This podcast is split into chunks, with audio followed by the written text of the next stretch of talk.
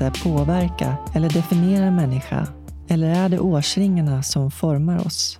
Hur påverkar miljöer och människor oss? Hur påverkas våra vägval av våra förutsättningar? Jag som driver soluret heter Jasmine Nilsson och jag är nyfiken på vad som formar oss till de vi är.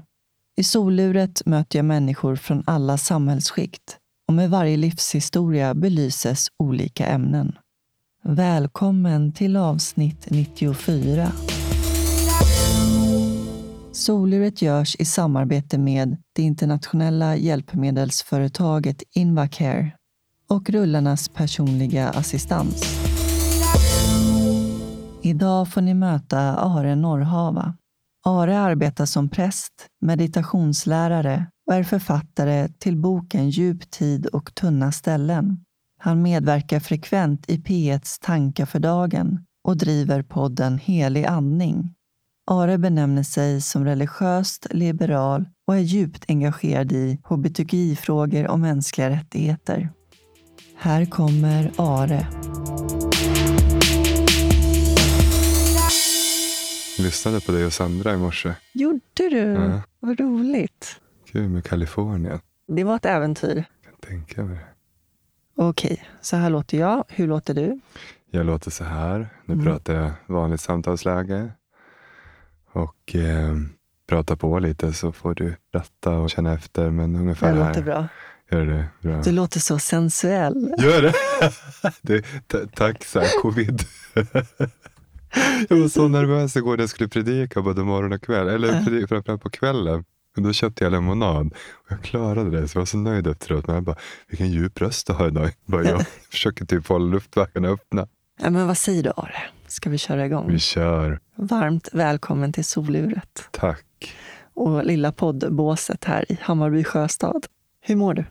Jag mår bra. Jag har haft en väldigt fin vecka. Intensiv, eh, som det är ibland i mitt yrke. Men eh, viktiga grejer. Människor och livet. Härligt. Du är präst i Katarina församling på Södermalm. Mm.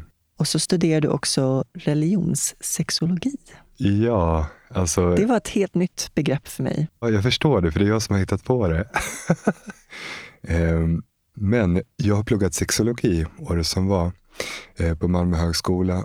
Och så kände jag, så här, vad är det som intresserar mig i det här? Ja, men det är verkligen så här, jag tycker att det finns väldigt lite skrivet om sexualitet och religion. Eh, och det blir ju religionssexologi. Så att när jag sen har fortsatt och fördjupat mig då, utöver den här kliniska sexologin som jag pluggade, så tittar jag just på sexualitet, relationer, såna här bitar i religionen. Så det är inget akademiskt ämne, eh, men jag tänker att man kan leka lite. Mm. Jag kom på det där när vi spelade in Tankar för dagen i P1, så gör man en liten så presentation. Eh, och så var jag ganska mycket inne i det här temat då. Berättar om människor jag mött ute i världen. Liberala, härliga personer som liksom tillhör traditioner och både kanske gör lite motstånd men också utövar en kreativitet. Liksom. Alltså både tillhör ett sammanhang och också väldigt måna om frihet och alltså vad är egentligen bara patriarkala rester eh, och sånt som hör till en annan tid och vad är faktiskt eh, centralt. Så ja, religionssexologi tänker jag, titta på hur människan, den religiösa människan navigerar sin sexualitet och sina relationer. Ja, det är verkligen intressant. Så hur tänker du, hur implementerar du då religionen i sexologin? Ja. Alltså religionen är ju redan implementerad i sexologin. För det var det som blev så tydligt när jag pluggade. Det var jag och en massa barnmorskor. Det är inga präster som pluggar sånt där. Eh, ja, men jag då var ensam präst i klassen. Annars var det psykologer, läkare, kuratorer, ungdomsmottagningsfolk. Ljuvliga människor. Eh, men det som slog mig då var att vi pratade om religion hela tiden. Religion, kultur, tradition. Eh, Så att liksom den är ju där. Och i religionen då, liksom, om man jämför då med att plugga sexologi, där är ju sexualiteten ibland som elefanten i rummet. Det är väldigt mycket som handlar om sexualitet om man bara skrapar lite. Eh, jag står i väldigt liberala sammanhang, så att vi ligger liksom i fas ganska mycket med majoritetssamhället.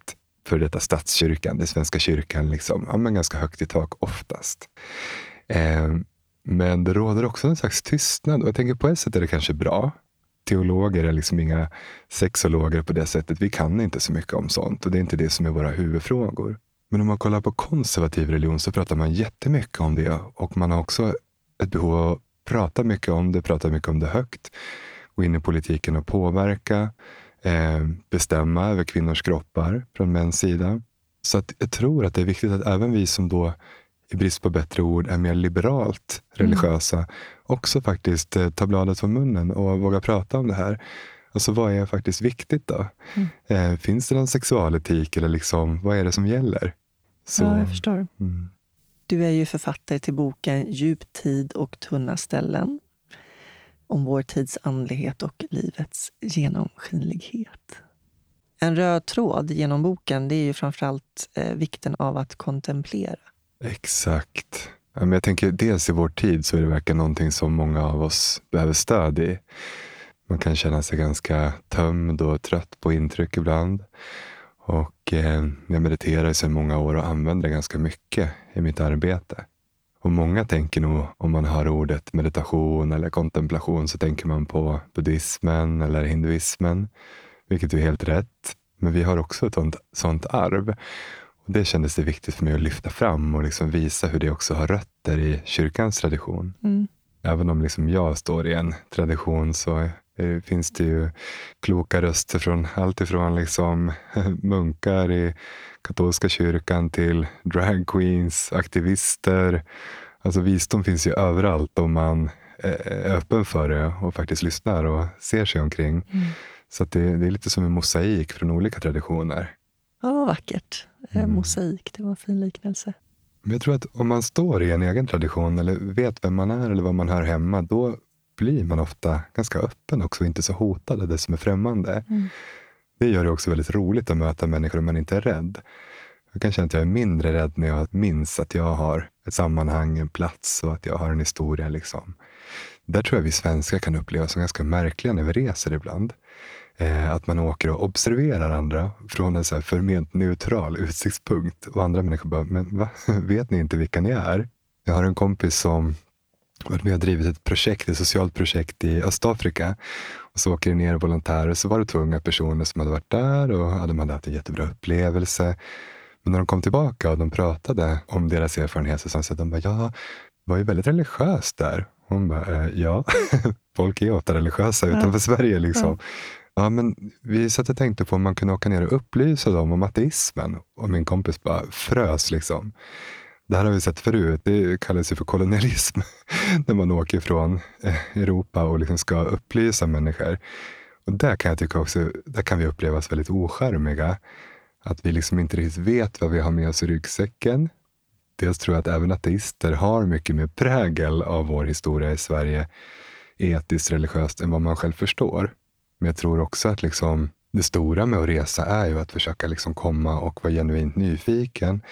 Men också själv ha med sig någonting till bordet. Alltså så att man möter eh, en annan person som liksom också har någonting. Som inte bara tittar på. Så där tror jag att ju mer nya svenskar det kommer och eh, ju mer unga som växer upp med liksom både som svenskar men också har liksom fler traditioner med sig hemifrån. Där kommer vi allt mer att börja upptäcka det här. Det kommer mm. bli mycket mer spännande. Eh, också utmanande. Inte minst för de som ska navigera två eller fler kulturer mm. eller religioner eller icke-religioner. Men eh, jag tror att det kommer göra oss mer medvetna om att eh, vi faktiskt har preferenser, traditioner, saker vi gillar och inte gillar. Mm. Och Det behöver vi berätta för människor som vi mm. möter så att det blir ett möte. Jag tycker det är så tråkigt också att kategorisera människor. Jag kommer från en bakgrund där eh, min pappa han var hinduist och mamma hon var medium. Så att det har liksom aldrig varit främmande för mig att det finns olika livsåskådningar. Och jag personligen, för mig är det väldigt viktigt att vara öppen för andra människor, respektera andra människor. Och alla har någonting att lära. Mm. Jag vet inte varför jag kom in på det, men jag eh, har ju vänner som kommer från Nasaret. Så jag var i Nasaret några gånger.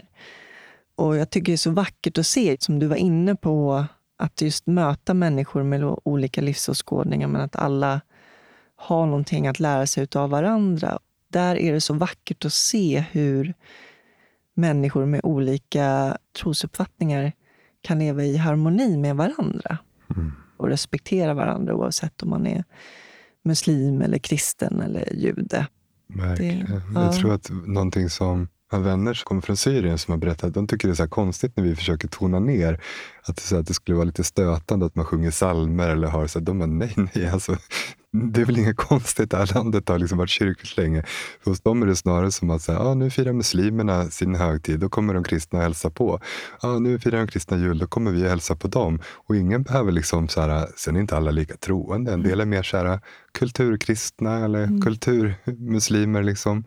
Kanske inte går i fredagsbönen varje, varje vecka, men man har sina traditioner. Och att det är inget farligt att man tillhör olika. Det tror jag är en bit, men också det här Alltså, jag tror mångfald är väldigt positivt laddat för många i Sverige och det tycker jag verkligen också. Men det är mer så här, mångfald är ett faktum, att det bor människor från olika platser. Men om ingen känner varandra och det blir väldigt uppdelat, då kan det också bli ett problem. Så liksom för att mångfald ska blomstra, eh, som den gör på många platser där människor sedan länge lever liksom, från olika religioner och kulturer, då måste man bygga liksom broar mellan grupperna. Eh, även om det är svårt ibland, så att man liksom känner någon i varje grupp. Mm. Det visar Precis. sig studie på studie att du mm. utbryter mm. inte våld om det finns relationer mellan mm. personerna. Just det. Du eh, driver också poddar. Precis. Det är faktiskt en sån här grej. Alltså, det har varit jättejobbigt med covid och karantän och sådär, även om det varit ganska lugnt här i Sverige. Men jag tänker här, mitt i allt det här jobbiga så har det också människors kreativitet uppstått på olika sätt. Och det har kommit saker som vi kanske aldrig hade gjort annars. Mm. Som också har gett människor glädje och kraft och så. Och eh, tidigare så eh, var vi ett gäng som samlades varje måndag här på Söder i en kyrka och satt tillsammans och mediterade. Och eh, så kände jag, så här, för det var många som hörde av sig, ah, jag skulle vilja sitta med andra och så kände jag, hmm, jag vill inte riktigt bjuda in folk och sitta nära varandra. Men då spelar jag in någonting. Eh, för många tycker om att få lyssna på guidad meditation. Och jag har inte hittat så mycket där jag känner att, att jag klickar med den rösten på den som pratar. Mm. Eh, så jag tänker så här, det där är så himla subjektivt. Det är bra om det finns många olika röster. vi spelade in den där i, i, en garderob på jobbet. Liksom. Byggde en liten studio. Så här, jag satt typ under så här, pappkartonger. mediterade och sen körde vi och det har blivit jättehög lyssning på den. Alltså även barn som hör av sig. Jag tycker det är så liksom, fint på ett sätt och lite så här, vad är det här för kultur om barn behöver meditera? Ja. Visst, meditation kan vara ett sätt att hantera stress och eh, att lyssna in sig själv. Men för mig hänger det också väldigt mycket ihop med alltså andlighet. Jag räknar med en större närvaro eh, som vi alla liksom lever i på något sätt mm. och som jag vill vara i kontakt med. Och då upplever jag att meditation verkligen hjälper mig eh, att eh, navigera. Den har hjälpt mig att sova här några nätter nu. Åh, tack, vad glad jag är. ja, men... Det är på nätterna som folk lyssnar. Ja, typ men det är ju det. Två, tre högstlyssning har jag sett. Ja, ja, just för att få tyst på det som pågår i huvudet. Jag kan verkligen känna, ju äldre jag blir nu, jag har just fyllt 40, men att eh, jag märker, det här kanske inte fattar när jag var yngre, att jag är som människa otillräcklig i mig själv. Eh, och att det är någonting som är vackert. Att det inte är något fel att behöva andra. Eller att behöva en högre kraft i sitt liv som vägleder och stärker och sådär. Ibland när jag har varit yngre så ah, jag kan fortfarande ha de tendenserna. Eh, den här idén om att köra själv. Och inte vara beroende av andra. Ja, jag tror att en av de största illusionerna som vi har i västvärlden just nu. Det är någonting lite märkligt med oss svenskar. Har du sett kanske de här äh, världstäckande studierna? Man tänker ofta att vi svenskar är lagom eh, och lite sådär i mitten. Men vi är i själva verket långt ut i extremen när det kommer till värderingar och syn på livet och sådär. Eh, dels så är vi jättehöga i individualism. Jag skriver om det i boken också. Det finns ju mycket som är väldigt viktigt med det. Många människor flyr till Sverige för att de också, eller flyttar hit för att man vill ha den individuella friheten. Sen är vi väldigt svaga på gemenskap. Vi har ganska höga nivåer av upplevd ensamhet. Så där är vi lite speciella och det är nästan någonting fult att behöva andra människor i Sverige. Mm. Eh, inte minst här i storstan kan jag känna. Eh, hela idén om att vara en self-made person liksom, eh, tror jag inte alls på längre. Mm. Om någon säger det så blir jag misstänksam. Det är väl därför många blir utbrända också, tänker jag. Att eh, man verkligen ska klara allting själv, ah. in i det sista. Jag kände mig utbränd i höstas. Eh, och det var mycket på grund av att jag vill så himla mycket. Jag tycker så mycket är så roligt. Mm. Men så har jag ändå den här mentaliteten att jag ska fixa det själv. Ja, men jag tänker det här som du säger med ambition och drivkraft, det tycker jag är helt eh, ljuvligt. Alltså det är också så himla viktigt. Mm. Eh, när jag har den så säger det någonting också om min relation till livet. Eh, för jag kan verkligen tappa kraften också eh, och hamna på platser där jag liksom inte alls eh, ser riktningen framåt. Så den tänker jag är väldigt viktig. Det är någon slags livsenergi eller livskraft i det. Eh, men just den där idén om att jag också ska göra det själv. Jag hamnar också där. Och jag märker det i mina axlar, i mina käkar, eh, i liksom bekymmersrynkan mellan mina ögonbryn. Och där kan jag känna att dels andra människor, eh, community, alltså att, att vara en del av en gemenskap. Det har vi lite svårt med här uppe ibland. Nu jobbar jag i kyrkan så jag har ju mycket av det. Väldigt, väldigt tacksam för det. Men jag kan också känna att meditationen då, eller olika andliga praktiker, är också en hjälp att på något sätt hålla perspektivet öppet. Mm. Så att jag inte fastnar i mig och mitt. Man kallar det i, i vår tradition för jag-kramp. Man kan nästan känna vad det är, eller hur? Mm. mm. Det är precis det där liksom, jag, mig och mitt. Liksom. Och Det kan ju yttra sig både på ett så här egocentriskt sätt, men det kan också vara att man gör väldigt mycket bra för andra. Men just att man liksom blir eh, bortklippt från sammanhang. Mm. Och Jag tror inte man klarar det särskilt länge. Nej.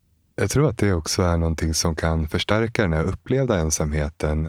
Jag möter ofta att människor känner att ingen riktigt lyssnar på dem. Och det är någonting som jag gör i mitt yrke. Eh, det är ganska mycket lyssnande, ibland väldigt förtroligt i slutna rum då med tystnadsplikt, men också så här, ja, där det faller sig. Jag jobbar ju på Söder, jag träffar ju på folk på gymmet och på stan överallt. Det blir många fina möten. Jag är inte alltid hemma i mig själv heller. Jag försöker, jag vill. Men jag vet att så här, ett av de bästa råd som jag tycker man kan få, eh, det var en ung kille som frågade mig, så här, ge mig ett råd. Jag bara, men, apropå vad? Han bara, men någonting. Jag bara, ställ frågor, så här. Han bara, ah, men som jag gör nu då? Jag bara, ja, och här kommer det viktigaste, särskilt eftersom du är man, ställ följdfrågor. Ja, precis. Inte bara så här, vad gjorde du, utan hur kändes det? Vilka var där? Hur var det för dig? Ett halvår senare återkopplade han bara, Tack. det hade blivit väldigt populärt. Ja, mm. Oerhört viktigt. Ja. I fjol fyllde du 40 mm.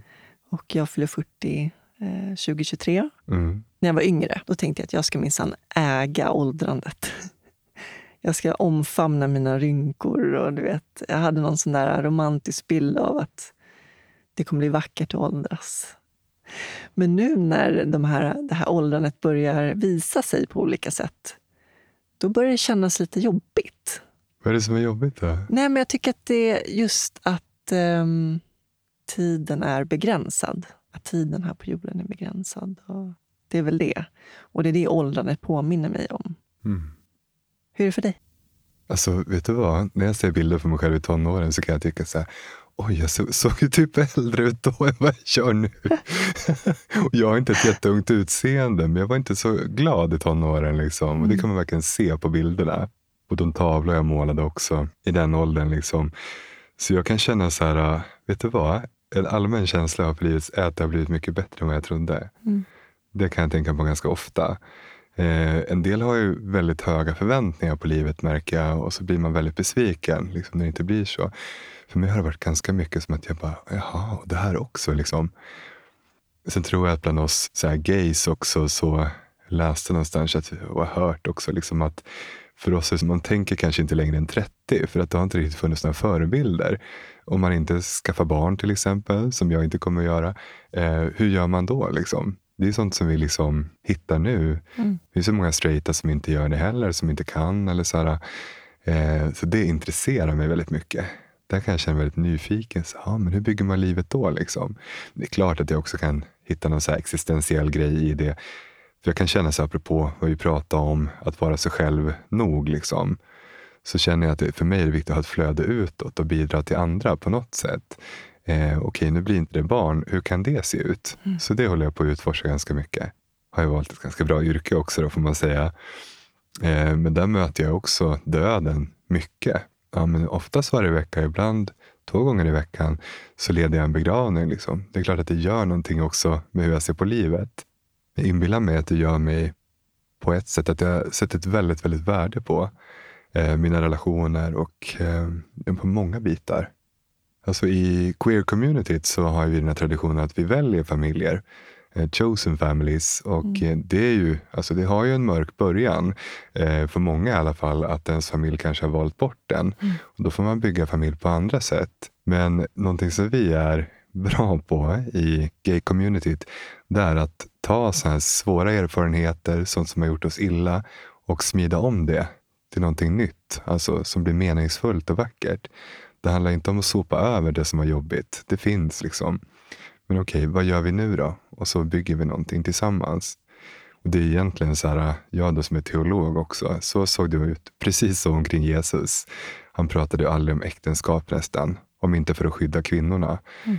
För äktenskapet då var inte alls som idag, att det var likvärdigt och samtycke och så, utan kvinnan var ju nästan en ägodel. Så hans fokus var ju på den här valda familjen, människor som så här drevs av en längtan tillsammans och ville bygga en, en mer empatisk värld ihop. Eh, Så där finns ju också det spåret väldigt mycket. Mm. Och det är jättekonstigt att i kyrkan då har vi fokuserat så mycket på den romantiska kärleken. Men det finns väldigt lite täckning för den i evangelierna i Bibeln. Där är det verkligen så här communityt, igen och igen, och vänskapen. Mina vänner betyder ju så mycket för mig. Jag tycker det är en så underskattad relationsform. Eh, det kan ju vara otroligt bärkraftiga relationer. Det är klart, vänskaper kan också ta slut av olika skäl, eller rinna ut i sanden. Men för mig är nog flera av mina vänner också, jag tänker på dem som familj. Och även vänners barn i vissa fall.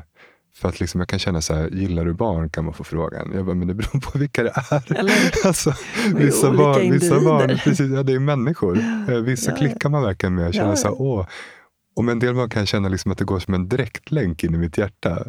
Ja, det är så viktigt för mig att de har det bra, att ingen är taskig mot dem. Det går ju inte att skydda någon från det, men impulsen finns sådär. För att eh, de bor här inne i bröstet helt enkelt. Mm. Familj kan vara så mycket mer än biologi, utan att biologin är oviktig. Och apropå familj, då, vad föddes du in i för familj? Ja, i en kärnfamilj i Hälsingland, på, först på glesbygden på en gård som låg i Norrhavra. Där har jag plockat mitt namn. Okej. Jag kapade ett R på Patent och registreringsverket och så tog jag det. För, för mig är det mina rötter. Liksom. Jag hette Nilsson innan, det är inget fel med det. Men, Som jag. ja, precis. Men jag kände så här, men om man ändå får välja. Ja. Ah, jag tar ett eget. Liksom. Det var jag som heter.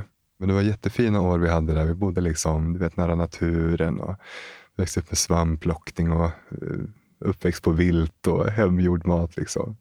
Även om man så sneglade på mamma Scans köttbullar och så här, färdig sylt och så. så typiskt barn på landet. Men eh, när jag växte upp i en familj med mycket kärlek. Liksom. Min eh, pappa var med och byggde kärnkraftverk och min mammas kompis demonstrerade. Och sen så blev det ändå fest mellan demonstranter och eh, arbetare. Ja, och så togs det någon bild och morsan såg honom och tyckte vilken snygging. Och på den vägen var det liksom. Så att min pappa kommer liksom från en bakgrund och eh, morsan från en annan. Jag tänker att det reflekteras i mig också. Det finns både det här bondska och liksom mitt, lite mer så arbetarbiten. Mm. Och eh, jag läste att du var både du var öronbarn och eh, Mm. astmatiker. Ja, och det är så här, om jag säger kroppsminne, Mm. är du med på den? Mm, Att så här, jag kan liksom nästan erinra mig det fortfarande, för jag hade så himla ont i öronen. Jag minns inte smärta nu, tack och lov så kan man förtränga sånt där. Ibland är det bra. Men jag minns känslan av hur min mamma som är liksom, ja men, en rejäl kvinna fångade upp mig i sin famn på nätterna när jag låg och så vrålade för att det gjorde så ont. Så här värkte hål, som man Mm. säger. Och så liksom satte hon sin mun omkring mitt öra och liksom andades i mina öron. Och fastän det inte tog bort smärtan så kände jag mig så hållen. Och för mig har det blivit en gudsbild. Eh, att eh, så tänker jag med Gud, att i varje andetag liksom, så bärs jag. Någon andas i mig så att säga. Eh, och jag kan bara ta emot. Och att eh, det här livet har jag fått. Det blev inte alltid som jag hade tänkt mig. Ibland gjorde det väldigt ont. Men det är också väldigt vackert. Varje gång jag lägger handen på bröstet så kan jag liksom erinra mig det där. Jag tänker att det var en väldig gåva. För att liksom smärtor kommer ju. Mm. Men vad har vi omkring oss? Vad finns det för resurser? Det är det jag jobbar med idag. Du nämner den eh, treenighet av eh, stolta kvinnor Mm. som har fostrat dig. Mormor, mamma och moster. Mm. Precis. Ja, men min pappa också såklart då, en del män, men jag har verkligen haft väldigt bra kvinnor omkring mig. Det blir allt fler män och det gläder mig jättemycket. Men jag har kvinnor att tacka för allt. Och i kyrkan så är det verkligen kvinnor som är präster som i väldigt stor mån har liksom eh, stöttat mig och hjälpt mig framåt. Jag har ett citat här. Det är rötter som kväver oss, det kan vi nog rycka upp med gott samvete. Mm. Och då undrar jag, vilka rötter har du ryckt upp? Mm. Om jag ska säga med det menar jag också, jag tror att rötter är inte så positivt laddat för många svenskar. Eh, men jag tror att det kan vara ganska viktigt. För att vad är frihet? Är det bara att jag är totalt obegränsad i mitt handlingsutrymme? Jag är inte så säker på det. Jag tror att det är en del av det. Jag kan känna så här att eh, mina rötter är berättelserna som har format mig. Min mormor till exempel var en stark karaktär hemma. Och eh, berättelserna om henne, det är också en del av mig på något sätt. Sen kan det vara så här att en del rötter, eh, saker vi bär med oss, är både problematiska och jätteviktiga. Jag vet en del människor som har väldigt lite individuell frihet och kanske växt upp väldigt kollektivistiskt. När man sen då bryter sig lös för att få vara den man är. Du kanske är gay, du kanske är, ja, det kan vara flera olika frihetsfrågor. Vad kommer du till? Det är inte säkert att det finns så mycket värme. Du kanske kan få professionell hjälp, men det gäller ju då att hitta ett annat sammanhang. Liksom. Mm. Så att liksom, när man rycker upp en rot, alltså, då kanske det finns andra. Jag kan tänka till exempel att visst, jag ser typ religion som ett rotsystem som jag är en del av. En del rötter där är jag väldigt kritisk mot. Apropå så patriarkala strukturer, tendenser att se ner på kroppen och, och sexualiteten till exempel. Det tycker jag verkar, det är verkligen dags att lägga på skräphögen nu. och sen yep. så finns det annat som är så här, sångerna som vi bär med oss, berättelserna som är superviktiga. Mm. Alltså att jag är inte bara en, en fri kapsel. För den friheten känner jag är inte det som jag liksom söker. Frihet är jätteviktigt för mig. Men jag tror att jag behöver stå rotad för att kunna stå stadigt. Och, och apropå att man kan välja sin familj också. Jag kan liksom känna att tillhöra då till exempel gay-communityt. Där har vi också liksom våra liksom förebilder bakåt. Människor som varit modiga, gått före fast det har kostat dem jättemycket. Alltså socialt, karriärsmässigt, så har de gjort det ändå. Varför kan man känna. Alltså det är ju otroliga konsekvenser människor har lidit. Och då har de inte bara tänkt på sig själva uppenbarligen.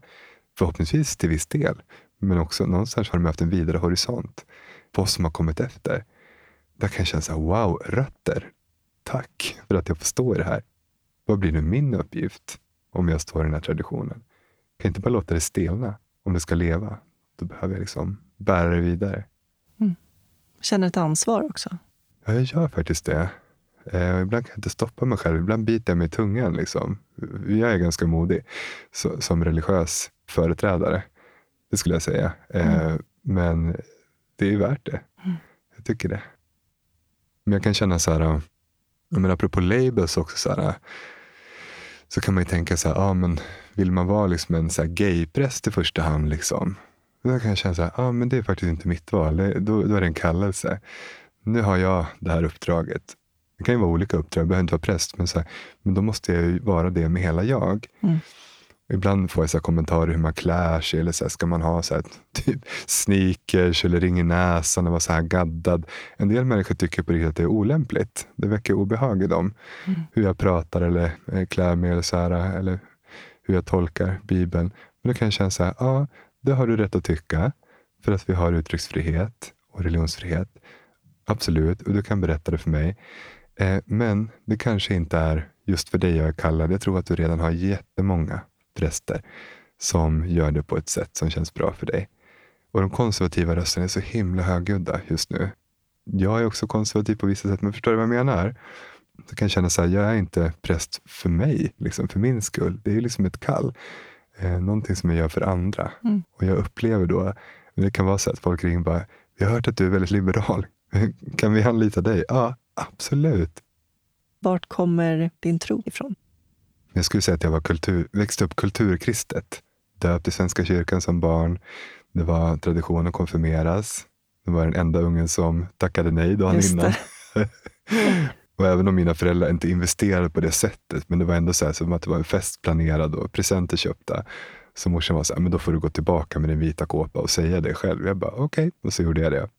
Så här, jag har liksom alltid känt det som att Gud finns. Jag tackar dels naturen för det, Eh, men också så här eh, erfarenheter som min mamma. Många människor har sådana erfarenheter skulle inte kalla det för Gud. Det behöver man inte göra. Men för mig är det så. Alltså, jag skulle kalla det för en värme och en närvaro. Känner den inte alltid, men där tron kommer in, då får jag liksom lita på det. Men sen var inte jag så säker på om det var samma som kyrkan menade med Gud. Och efter att ha konfirmationsläst då kände jag nej, det är nog inte samma. Det kändes mer som att besöka ett museum. Eh, lite torrt och gnekigt liksom. Visst, det var kul med skidläger. Tjuvrökte och sådär. ja, nej, där tappade kyrkan mig faktiskt. Idag vet jag att det, man har ett lite annat synsätt på unga. Man tänker att de också kommer med erfarenheter och är mer så här, inte bara lära ut till dem, utan de är med och, är med och delar och reflekterar. Men det gjorde ju min hunger ännu starkare. Så jag har gjort mycket av det andliga slaget. Jag har bott i många olika länder, rest mycket och varit väldigt nyfiken. Så jag har brett kontaktnät inom religioner och även i friandligheten. Liksom. Eh, men sen har jag gjort varvet runt. Och det var min kompis mamma, apropå kvinnorna. Då. När han sa att hon var präst, jag bara, jag måste prata med henne. För någonstans har jag ändå så känt att jag hör hemma i den här traditionen. Och när hon då öppnade upp mystiken, kyrkans andlighet, liksom, och jag fick ihop meditationen med det här, då var det som att allting bara la sig rätt. Och sen då komma in i en församling och ett sammanhang, hitta praktiker och rutiner. Eh, så att, ja, så klassisk hero's journey. Man liksom börjar någonstans och sen så ger man sig ut på någon slags resa och äventyr och sen så kommer man tillbaks till där man började. Eh, men så jag har en jättestark känsla för människor som inte känner sig hemma i våra sammanhang men som ändå är nyfikna och vill komma. Eh, och min församling är ju, där är många människor som verkligen inte har växt upp med kristendom eller så här, som kanske inte ens vill kalla sig kristna, men som ändå känner att det är deras andliga hem. Det är väl toppen. Det här är bara ord, apropå vad du sa om labels mm. tidigare. Men jag tänker så här, tillbaka till tonåringen där som ångrade sig. Det krävs ju väldigt mycket mod att gå tillbaka och säga, nej men det här var ingen för mig. Ja, precis. Det är både mod och att jag åtminstone var ganska svartvit mm. i tonåren, hur jag tänkte hur mycket som inte är klart än.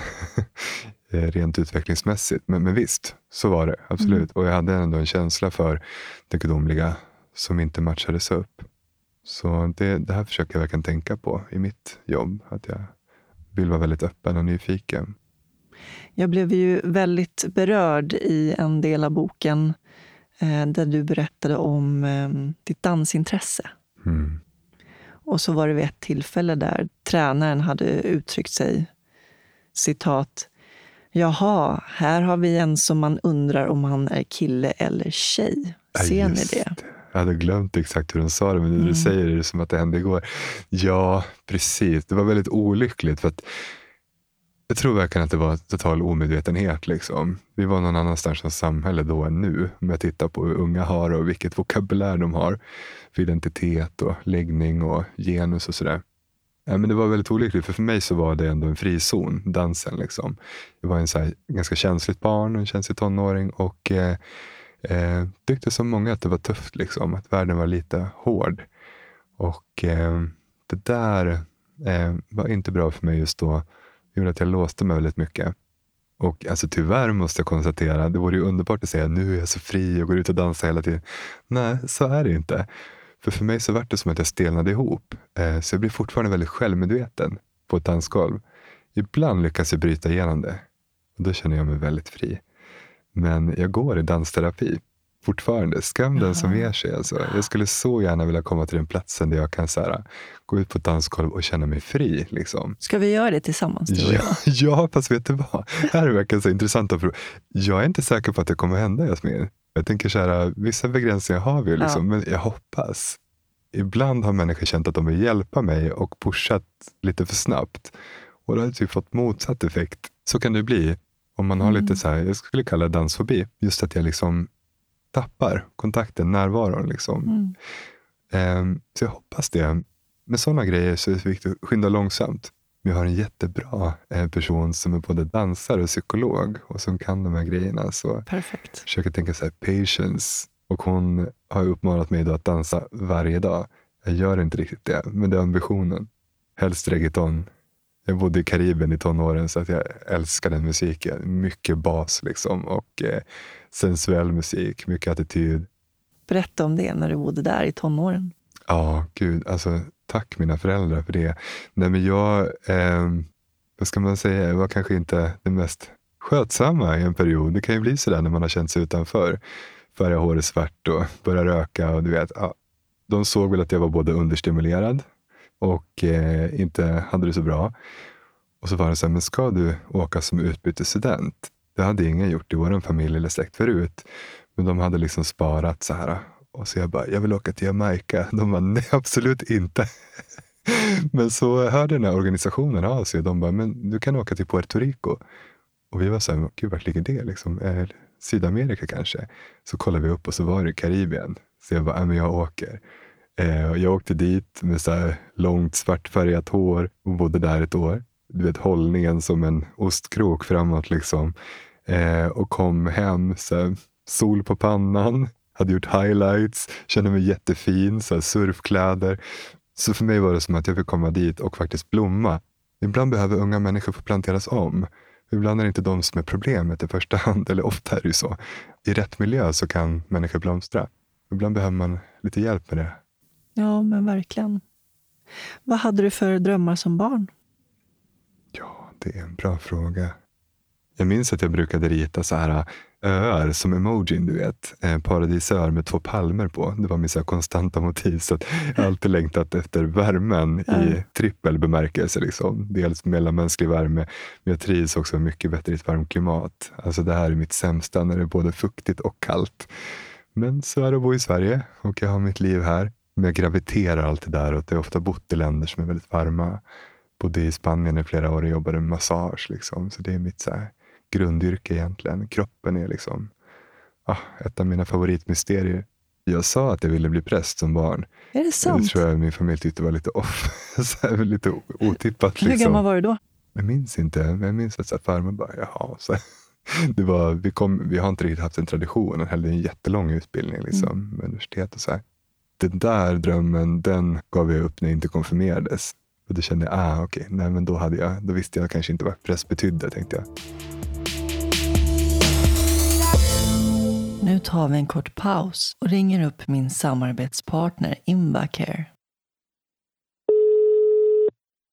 Invacare Mikael Forsman. Tjenare Mikael, det är Jasmin från Soluret här. Hallå Jasmin. Hej, hur är läget? Jo men du, det är bara bra. Ni har ju precis haft eh, mässa. Ja, det stämmer. Vi hade jultorget för en vecka sedan och det är ju en viktig mötesplats för oss att få träffa de som använder sig av hjälpmedel och få lite feedback och få lite återkoppling på hur saker och ting funkar och vart det finns lite förbättringspotential. En grupp som man ofta glömmer det är ju personer som sitter i, i rullstolar. Det är ju förslitningar på axlar och armbågar och, och händer som man behöver skapa möjligheter för att det inte ska bli de här förslitningarna exempelvis. Så Att man kan bruka sin rullstol över tid också och inte tappa en del av sin självständighet på grund av att man får en följdskada. Så där har vi ju skapat en utbildning med, med vår säljare Håkan som lägger fram det på ett väldigt pedagogiskt sätt. Den är väldigt uppskattad den här utbildningen. Där han pratar om hur man kan motverka den här uppkomsten och vilket hjälpmedel som kan hjälpa till för att i slutändan också då vara med och skapa en, en större självständighet utifrån varje individs förmåga så att säga. Det gynnar ju den mentala hälsan att röra på sig. Oh ja, oerhört viktigt ämne. Men jag måste fråga dig en sak också. Det går ju rykten på stan om att det snart kanske kommer ett hundrade avsnitt. Just det, det stämmer. Det är helt otroligt faktiskt. Ja, jag tror ju personligen att jag nära nog har lyssnat på alla hundra avsnitt. Jag Det, det kanske finns något jag har missat, men det är ju någonting man ser fram emot. Ja, där vill jag verkligen att eh, lyssnarna ska få möta soluret och eh, gästerna live. Och såklart musikframträdande. Här ser man fram emot att få lyssna på det. Härligt att prata med dig Micke, så får du ha en fortsatt trevlig dag. Ja, men tack själv. Alltid lika kul att prata med dig. Du ska också ha en fortsatt bra dag. Tack. Hej då. Hej då. Jag tänker på det där med dansandet som just den händelse som präglade ju dig så mycket. Vad gjorde det med dig? När man inte får göra det som man känner sig fri i att göra. Ja, ja men visst är det så. Och vet du vad, om jag ska vara ärlig, det har liksom tagit tid för mig med vissa saker. Jag tror att en del av oss är också lite mer högkänsliga från början. Eh, det verkar verkligen vara så. Och eh, så är det nog i mitt fall. Och då får man hitta strategier. I mitt fall så har verkligen skam varit ett jätteproblem. Nu kommer jag från en väldigt fri familj liksom, och eh, där kroppen är väldigt naturlig. Så att den sortens skam har inte varit mitt problem. Men, men ändå det här med, med könsuttryck, hur man rör sig, hur man pratar. Det har tagit tid för mig att omfamna och liksom på något vis hitta mig själv som man säger. Liksom. Mm. Och jag tänker dans är ju verkligen att göra sig sårbar på ett sätt som är helt vidrigt. Ursäkta uttrycket. Liksom. Eh, jag kan tycka att jag har blivit eller att jag är väldigt modig och har hittat väldigt mycket frihet i mig själv på många sätt. Men det där kanske är sista utposten då. Så att eh, för mig är det nog länkat, dans och eh, person och att verkligen våga visa sig, vara fri och leka. Liksom. Jag läste också att, eh, att du fann mening och hopp i serietidningar. Ja, Precis. Men X-Men, det är ju så, det är så många queer kids som, som hittar mm. liksom, kraft i det. Alltså fatta parallellen. Liksom. Ja. Personer som eh, ses som freaks av sin omgivning. I själva verket så har de superkrafter. Det är perfekt stöd för en tonåring. Liksom. Eh, så att ja, Wolverine blev en slags bild bland annat. Det fanns många som är så här, ja, men han får ju då liksom en metall inopererad i sig och blir typ som ett vapen. Jag minns att jag relaterade till det där senare, liksom just att ha blivit så stel i kroppen då liksom, och självmedveten. Och känna sig lite som ett freak på många sätt. Liksom. Men att någonstans försöka återta det där narrativet och bara okej, okay, det här hände mig. Det är inte slutet på historien. Jag kommer att hitta vägar. Liksom. Sen vore det en perfekt finish som jag bara, åh, jag går ut och dansar varje helg. Ja, det kanske kommer, tänker jag. Men det är ändå så här, det är ett narrativ, det är en riktning. Liksom. Mm. Sånt där är ju religionen full av berättelser om människor som har eh, hamnat i diverse situationer men som tillsammans med Gud, med andra människor, liksom hittar tillbaka eller hittar nya vägar. Ja, precis. För du skriver det där också att eh, det hjälpte dig att stå ut mm. och föreställa dig en framtid. Men ibland är det där man är. Alltså det är tidigt att prata om en lösning, mm. men att jag kan tänka på det så här, apropå barn och sådär. Det är ju en kontrollförlust eller en vanmakt föreställer jag mig, fast jag inte har egna barn. Men överhuvudtaget för människor vi älskar djupt. Liksom. Att, att vi inte kan eh, skydda dem från livet. Men det har heller aldrig riktigt varit tänkt så. Jag tror vi är klara väldigt mycket, obviously. Men att eh, just det där, va? människans förmåga, det är nog det jag beundrar mest i människan, att återhämta sig. Men man ska ju akta sig för att liksom på film funkar det väldigt bra att allting bara så löser sig fort. Mm vad har man, en och en halv, två timmar på sig att berätta. I verkligheten så kan det vara mer komplext. Men de berättelserna är ju överallt. Jag kan tänka mig att du får höra många mm. som intervjuar människor. Mm. Och jag också. Så jag kan verkligen känna att tack för jobb och för att jag är en läsande och lyssnande människa. Att jag också får höra om kärleken som en verksam kraft i den här världen. Mm. Hur människor ibland står ut och håller ut. Ibland är det det som gäller också hur människor reser sig. Men vad är det som hjälper ändå? Ja, men där är vi inne på det här med andlighet och verktyg och sammanhang. Men eh, jag fortsatte sen och ge mig ut i världen. Jobbade ihop pengar, levde på bröd och ost typ. Stack till Hawaii senare. Senare bodde jag med en stor familj i Söderhavet i hyddor i ett halvår. Liksom. Kan du berätta om den eh, upplevelsen och, och vara där? Ja, gud. Många saker, för det var så radikalt annorlunda kultur. Väldigt kollektivistisk. Alltså, dels så fanns det inga väggar. För att där tänker man att det värsta som kan hända en människa är att hon är ensam. Och så har jag växt upp och präglats 19 år i Sverige och eh, behöver mitt space. Jag försökte ibland smita från familjen jag bodde med. De var väl 15 pers ungefär i ett komplex av hyddor. Och precis när jag trodde att jag hade kommit undan med hundarna ner till stranden så kommer någon kusin cyklandes med ett stort leende och jag bara nej. Så liksom sorts nötte den ner en del av mina försvar. Jag har fortfarande behov av space, men det kunde jag glömma det där halvåret. Det som hände var att jag hade berättade för dig när vi möttes att jag brukade knipa ihop munnen över mina tänder. Mm. De är enorma. Liksom. I'm a crocodile. och jag tyckte det var så pinsamt. Tänkte, men jag, jag biter ihop. Liksom. Men det var helt omöjligt där. För människor mötte mig med så breda leenden hela tiden. Och det smittar ju. Mm. De tinade mig. Till slut kände jag bara, skitsamma. Där är mina tänder. Nu kommer jag le. Och sen dess har jag gjort det. Ibland försöker jag att le lite mindre. För att det kom igen, det är en ganska hård värld också emellanåt. Alla människor kan inte ta emot värme. Mm. Du kan få mothugg mm. av det osköna slaget. Berätta om när du stötte på en dragqueen på bussen. Ja, oh, gud.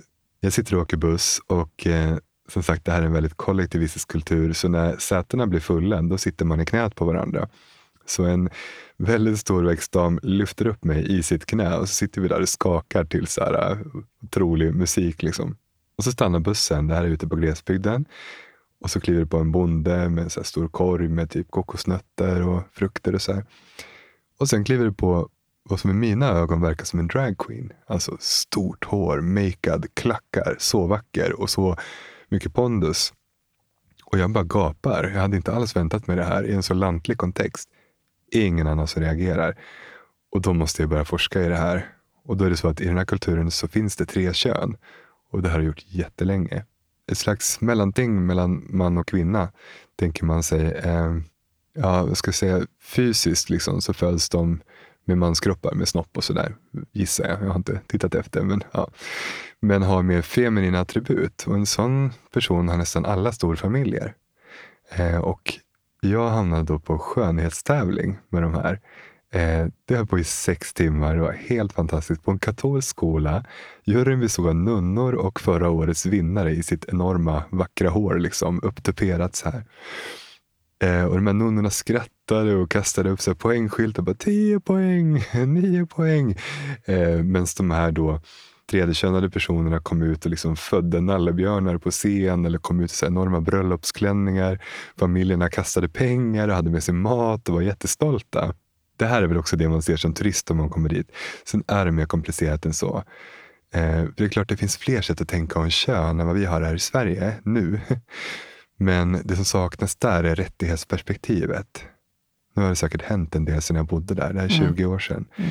Men att liksom, samtidigt som den här gruppen är väldigt hyllad, eh, så är de också väldigt utsatta. Eh, och får också bära, om vi tänker oss en madonna-hora-syn på kvinnan, så var liksom de kvinnorna, de biologiska kvinnorna, fick då bära liksom den här madonna-rollen. Eh, föda barn, sköta hemmet mm. etc. Men de här då blir mer horan, liksom. alltså inte rent faktiskt. Men du förstår vad jag menar. Alltså blev sexualiserade. Eh, och eh, fick också, vad jag förstod, ta emot en del liksom, sexuellt våld och sådär. Mm. Så att liksom, det ser så olika ut i världen. Det är många som har fler än två kön. Och jag kan känna så här, en förundran inför det och så här, wow, det är inte alls givet att man har, ser på kön som vi gör. Mm. Men det jag kan känna idag efter att ha sett många varianter på det här i olika länder är så här, oh, rättighetsperspektivet ändå. Ja. Det är så viktigt. Och där behövs ju labels på ett sätt. Man måste kunna prata om någon slags grupp för att kunna skydda den också. Måste gett dig ett väldigt viktigt eh, perspektiv i ja. din eh, resa också. Och alltså mycket förundran. Mm. Jag kan tänka när vi reser. Eh, om vi inte bara åker och konsumerar, så här, det kan man också göra. Men om man åker och verkligen är öppen och nyfiken mm. så kan man liksom joltas ur sitt vanliga sätt och tänka, bara, Va? vad är det här? Liksom. Och den förundran tänker jag är det som gör en resa för mig meningsfull. När jag bara, nu fattar jag ingenting. Liksom. Jag bodde en period med eh, skogsmunkar i, i Myanmar i Asien och eh, otrolig erfarenhet. Att liksom inte bara läsa om buddhismen utan leva den sträng tystnad och mycket meditation och sådär. Hur kom det sig att du bestämde dig för att göra det? Nej, men jag hade varit där eh, för att studera liksom, eh, unga ledare. Alltså det här är ju en rådiktatur vi pratar om. Det har ju varit väldigt slutet. Men vi vet att det finns också mycket modiga människor som försöker förändra. Och eh, jag ville liksom prata med unga människor i kyrkorna och se vad tänker de kring frihet? Hur utövar de ledarskap? Så jag var där ganska länge och sen åkte jag tillbaka som stipendiat för att studera just buddhistisk kristen dialog. Alltså kristna och buddhister. Liksom, och då kände jag så här, men nu tar jag in på ett kloster. Och vilken gästfrihet. Hade det så fint där. Men att eh, jag mötte också så, här, så mycket det är verkligen inte svensk buddhism vi pratar om. Utan eh, många människor är buddhister men har ju fullt upp med att skörda eller så här, sätta mat på bordet. Men det är väldigt liksom, man tycker väldigt mycket om sina munkar. Men det finns också mycket folktro. Och jag träffade en man som liksom grabbade tag i mig. Så kommer mina vänner därifrån. och De bara berättade att han försökte ta min själ. Och jag blev så här, va? Jag bara, det här är så spännande. Religionssociologen i mig blir så här, va? Berätta mer. För mig är det, jag har aldrig tänkt tanken att man skulle kunna ta någons själ. Nej. Hoppas att det inte hände. Jag kanske sitter Nej, här tom på själ. Och hur gör man då? Liksom? Hur gick de tillväga när de Han skulle... gned mina händer och hade en hypnotisk blick. Liksom. jag blev ju helt mesmerized. Och bara, va? Ja, men sådana här saker är man ju med om. Jag tänker Ja. så här, man kan ju både hamna i det här liksom relativistiska, ja vad vet man? Liksom. Och samtidigt kan jag känna så här, nej jag tror verkligen inte det. Mm. Men kan jag tycka att det är, det är en rik värld. Det finns så många sätt att förstå verkligheten. Har det varit som ett sökande för dig att eh, resa? Ja, ja men verkligen. Jag är en sökare. Det har jag alltid varit. Även om jag på många sätt känner mig hemma idag i mig själv och eh, i mina sammanhang. så Absolut. Men när jag var yngre så var sökandet kanske mer, drevs mer av en eld och en hunger. Där jag idag kan tycka att jag har fått väldigt mycket och känner mig ganska lugn i det. När du kom hem från Sydostasien så började du i terapi. Precis, det berättar jag om i boken. Jo, men jag märkte vissa grejer när jag var så mycket i tystnad och mediterade så mycket. Det var ju hela dagar. Dag efter dag efter dag.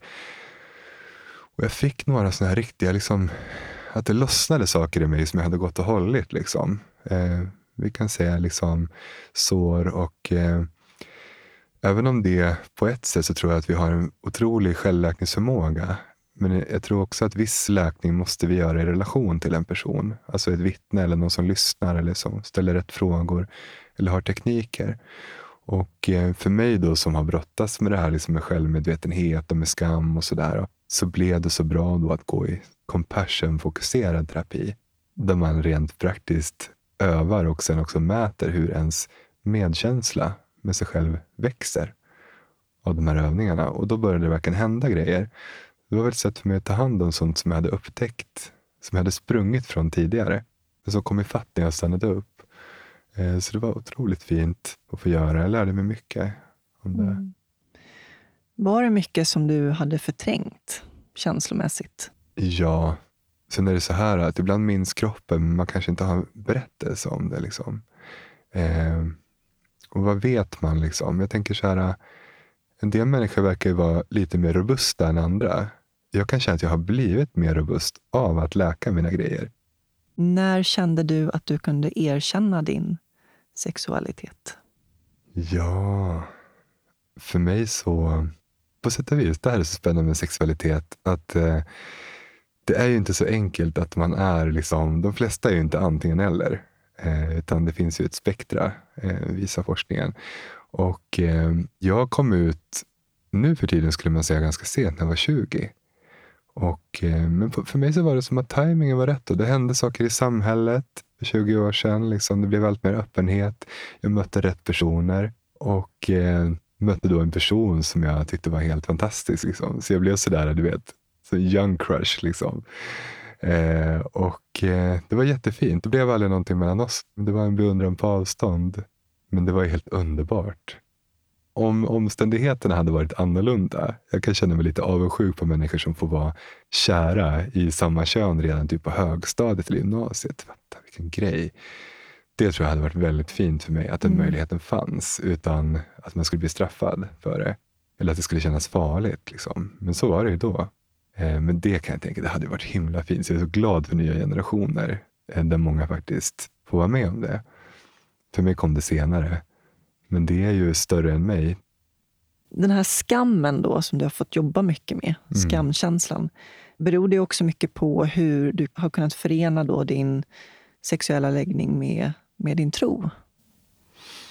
Nej, det skulle jag faktiskt inte säga. Alltså, många har ju den erfarenheten att man liksom har växt upp ja, men, religiös på ett sätt så att det har kommit med mycket skam kring kroppen eller lusten. Så att det har inte jag haft. Där har jag känt mig jättefri. Eh, pratade med min mamma om det och hon är också väldigt frispråkig och härlig. Liksom. Nej, det har inte varit så laddat. Men eh, det är klart att, liksom, att det är sånt som jag har mött under studierna till präst och så här, eh, och mött homofobi och sådär. Men det som är så viktigt är det där, liksom, jag kan verkligen känna att det inte har varit min skam när det kommer till religionen. Utan det är ju många människor i religionerna och utanför som har mycket skam. Och kommer då människor är fria och öppna så är det jättetriggande. Och då får man deras skam över sig.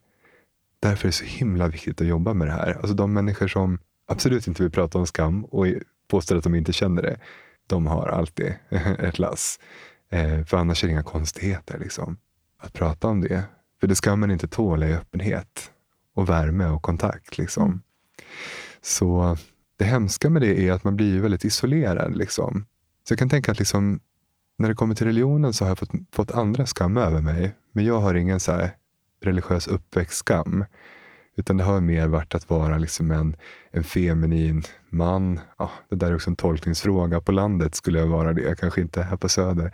Eh, jag vet inte. Men eh, jag kan känna liksom att det handlar mer om hur man rör sig. och så här, Något som många män också som är straighta har känt av. Mm. Många som har hört av sig när jag har pratat om det i radio. Så här, bara, men jag med. Liksom. Gud vad jag känner igen mig. Och så här, och att man inte... Det är mycket nej när du fostras till man. Gör inte så, rör dig inte så, prata inte på det sättet. Prata inte om det här. Eh, men jag tror många kvinnor växer upp med ja. Alltså tjejer emellan, det har man lärt sig av sina tjejkompisar. Liksom, det blir mer förtroligt och man möts kring jobbiga saker. Medan eh, män är mer som man skjuter ifrån sig. Liksom. Mm. Så en del av det tänker jag också är bara att vara man. Alltså grannfostran handlar ju om att skamma. Älskar så frisk maskulinitet. Jag tycker inte man ska ge sig på maskuliniteten i sig vare sig det är en kvinnokropp eller manskropp eller någonting annat. Det, det finns, det vi kallar för det. Men jag tror att många män tyvärr har fostrats för mycket skam. Och är man dessutom då homosexuell så liksom, man känner ju att det är någonting fel på en i den mm. åldern. Liksom. Och det blir en smärta och ett utanförskap. Eh, så för mig är ju egentligen tro är motsatsen till det. Pratade med en ny bekantskap häromdagen om det, så här, att det, tycker att det är så spännande så här, i skapelseberättelserna i Gamla Testamentet. Så här, hur eh, Gud går runt och så här, söker efter människan och vill ha kontakt, liksom, närhet och connecta med människan. Och människan så här, vänder bort sitt ansikte i skam över sin nakenhet. Va? Vilken berättelse! Mm. Precis så känns det ju. Om jag får en så här riktig skamsköljning, då känner jag mig väldigt ensam. Alltså, och vet jag då inte vem jag ska prata med så är det fruktansvärt. Eh, och så kan det räcka med ett telefonsamtal till en person som själv har jobbat med sin skam, eh, som har en varm röst, som kan lyssna bara här, inte förneka och inte bli själv stressad, utan bara så här, jag fattar, mm. liksom, men låt oss prata om det här. Och där i kontakten så låtsas det upp. Så den kraften har vi människor. Lösa varandra ur sådana bojor. Liksom. Och jag tror att sen när skammen löser upp sig, då får vi en glimt av det här paradiset, paradistillståndet där vi är i kontakt med varandra. Där jag hör dig, där jag ser dig och kan ta in dig. Det är det vi längtar efter. Mm. Det var en kompis på en middag som sa så här, bara, jag hatar sårbarhet. jag tycker att det är vidrigt. Så här. Jag kan så känna igen mig. Det är ju svinläskigt. Och så samtidigt så det var det här med glimten i ögat. För vi vet ju att vi får inte kontakt utan sårbarhet. Vi måste våga visa oss. Det var en, en franciskanermunk som sa att vi skulle aldrig utsätta oss för att vara sårbara om vi inte visste att det, vi måste det för att bygga kontakt med varandra. Och att vi är ändå skapta för att älska och ta emot kärlek och ge kärlek. Och vår längtan är så stark. Det är det som drar oss ut ur vår trygghetszon, våra fasader, våra pansar, in i kontakt med varandra. Om du frågar mig om livets mening så skulle svaret hamna ungefär där. I en genuin kontakt med män, andra människor, med naturen och jag då som tror på Gud, med Gud. Liksom. Alltså, vi är ju byggda för intimitet och kontakt. Sen tror jag, i mitt fall, ibland har jag gått för mycket med hjärtat på ärmen och jag har fått betala ganska dyrt för det ibland. Eh, och lärt mig också om mina gränser och lärt känna också min aggressivitet som är frisk på många sätt. Att liksom inte vara oskyddad i världen. Eh, så där får man liksom hitta. Jag brukar börja i max tillit och sen när jag märker mm, nej men här kanske jag inte kan vara helt öppen, då får man justera det där lite. Men jag vill ändå tro gott om människor. Det är det som är min tro. Hjärta på armen, det är din tatuering. Har du det? Nej, jag tänker på din tatuering som du Ja, gjorde. det har jag ju. Mm. Det Ja. har jag inte ens tänkt på. Apropå hjärtat på armen. Ja, precis. Det är ju det heliga hjärtat Ja. som, jag, som brinner. Ja, Ja. exakt. Roligt. Jo, ser, alltså bara bilder och tolkningar. Man kan hitta nya. Ja, Hjärtat precis. på ärmen har jag inte tänkt på. Nej. Eller så har jag det, men glömt det. Ja. Ja, vad roligt. Vad innebär det för dig att vara människa? Ja, wow. Att vara begränsad. Låter det krasst? Nej, men det så Nej, här. men jag fattar. eh, jag vet att ibland säger man så här. Det enda du behöver veta om Gud är att det inte är du. alltså, ibland beter vi oss ju som att Just vi det. vore det. Vi Mm. hade kontroll över hela tillvaron. Det har vi ju inte. Jag menar, det är klart man behöver ha lite koll på läget. Men, nej, men att vara människa, alltså i det här så där ligger också kontaktytorna. Jag fixar inte det här själv. Och där är också inbjudan till min medmänniska. Och till någonting större. Eh, vi behöver varandra, vi behöver inte skämmas över det. Så begränsad och eh, underbar. Tror du på ett liv efter detta? Ja, jag gör ju det. Mm. Jag tror att det präglar min, mitt sätt att leva också. Eh, jag känner, det finns sällsamma ögonblick i livet, tunna ställen kallar den för i boken, när jag fylls av förundran, så här, eller blir väldigt djupt berörd eller bara stillnar inuti av hur vackert livet kan vara. Och så kan jag tänka så här, om glimtarna är på det sättet, vad väntar då inte sen? Samtidigt som jag kan känna så här, tänk att ha en kropp med all dess begränsningar, att få ta emot beröring, att beröra andra, att få lukta, se, eh, vara i den här förundliga världen. Liksom. Så jag är väldigt inne på livet. Men jag har en trygg känsla av att det är värme som väntar och kärlek, mer än vad jag kan förstå med mitt begränsade perspektiv. När känner du dig fri? Mm. Alltså, första bilden som dyker upp är så här, typ, jag sitter på en rikscha på en så här skumpig väg i Asien och så här, ingen vet vart jag är. Eller så här, typ eh, skinny dipping i havet. Liksom. Flyta så här, och se på horisonten. Men eh, kan också känna att fri är jag när jag får glömma mig själv. Apropå dansgolvet då. När jag glömmer mig själv och bara får vara ett med nuet. Och det här har vi varit inne på också. Just sårbarheten. När känner du dig sårbar? Ja, när jag vågar leva. Det är Mm. priset. När jag gör sånt som jag egentligen inte vågar eller som fyller mig med obehag, men min längtan är starkare än min rädsla. Då är jag sårbar.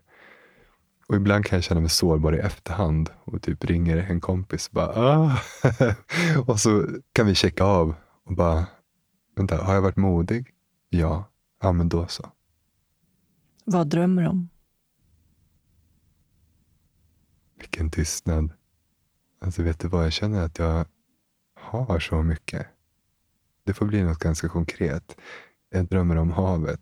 Jag längtar att komma till havet. Det, för mig är det att stå liksom inför ett uppiskat eller ett stilla hav. Då kan jag glömma mig själv och eh, känna mig som ett med, med alltet för en stund. Vackert. Jag har några mer lättsamma frågor. Mm. Kaffe eller te? Kaffe. Stad eller landsbygd? Uff, det var en svår fråga. Alltså jag, jag gillar att bo i stan, men jag börjar liksom gravitera mot landet. Jag ger det fem tio år, får vi se. Bok eller film? Ah, gud, man vill ju säga bok, men just nu är det film. Kött eller grönsaker? Jag vill säga grönsaker, men just nu är det kött. Men vilt. Ja. Vilt eller ekologiskt. Planering eller spontanitet? Uff. Ja, spontanitet. När jag är ledig. Se eller höra? Höra, Lyssna eller prata? lyssna. Tack så jättemycket Are för att du kom och delade med dig av ditt liv. Tack du. Jag rekommenderar er varmt att läsa Ares bok Djup tid och tunna ställen som finns att köpa i nätbokhandeln. Are går in på djupa filosofiska ämnen som en kan relatera till oavsett om en är troende eller ej. Han drar personliga paralleller till sitt eget liv och möten och resor som har format honom. Tack till min huvudsamarbetspartner Invacare. För mer information om Invacare och deras hjälpmedelsprodukter kan du gå in på invacare.se. Och tack till Rullarnas personliga assistans. Rullarnas vision är att man ska kunna leva ett så oberoende liv som möjligt trots sin funktionsnedsättning. Mer information finns på rullarnas.se och ni kan följa dem på Instagram.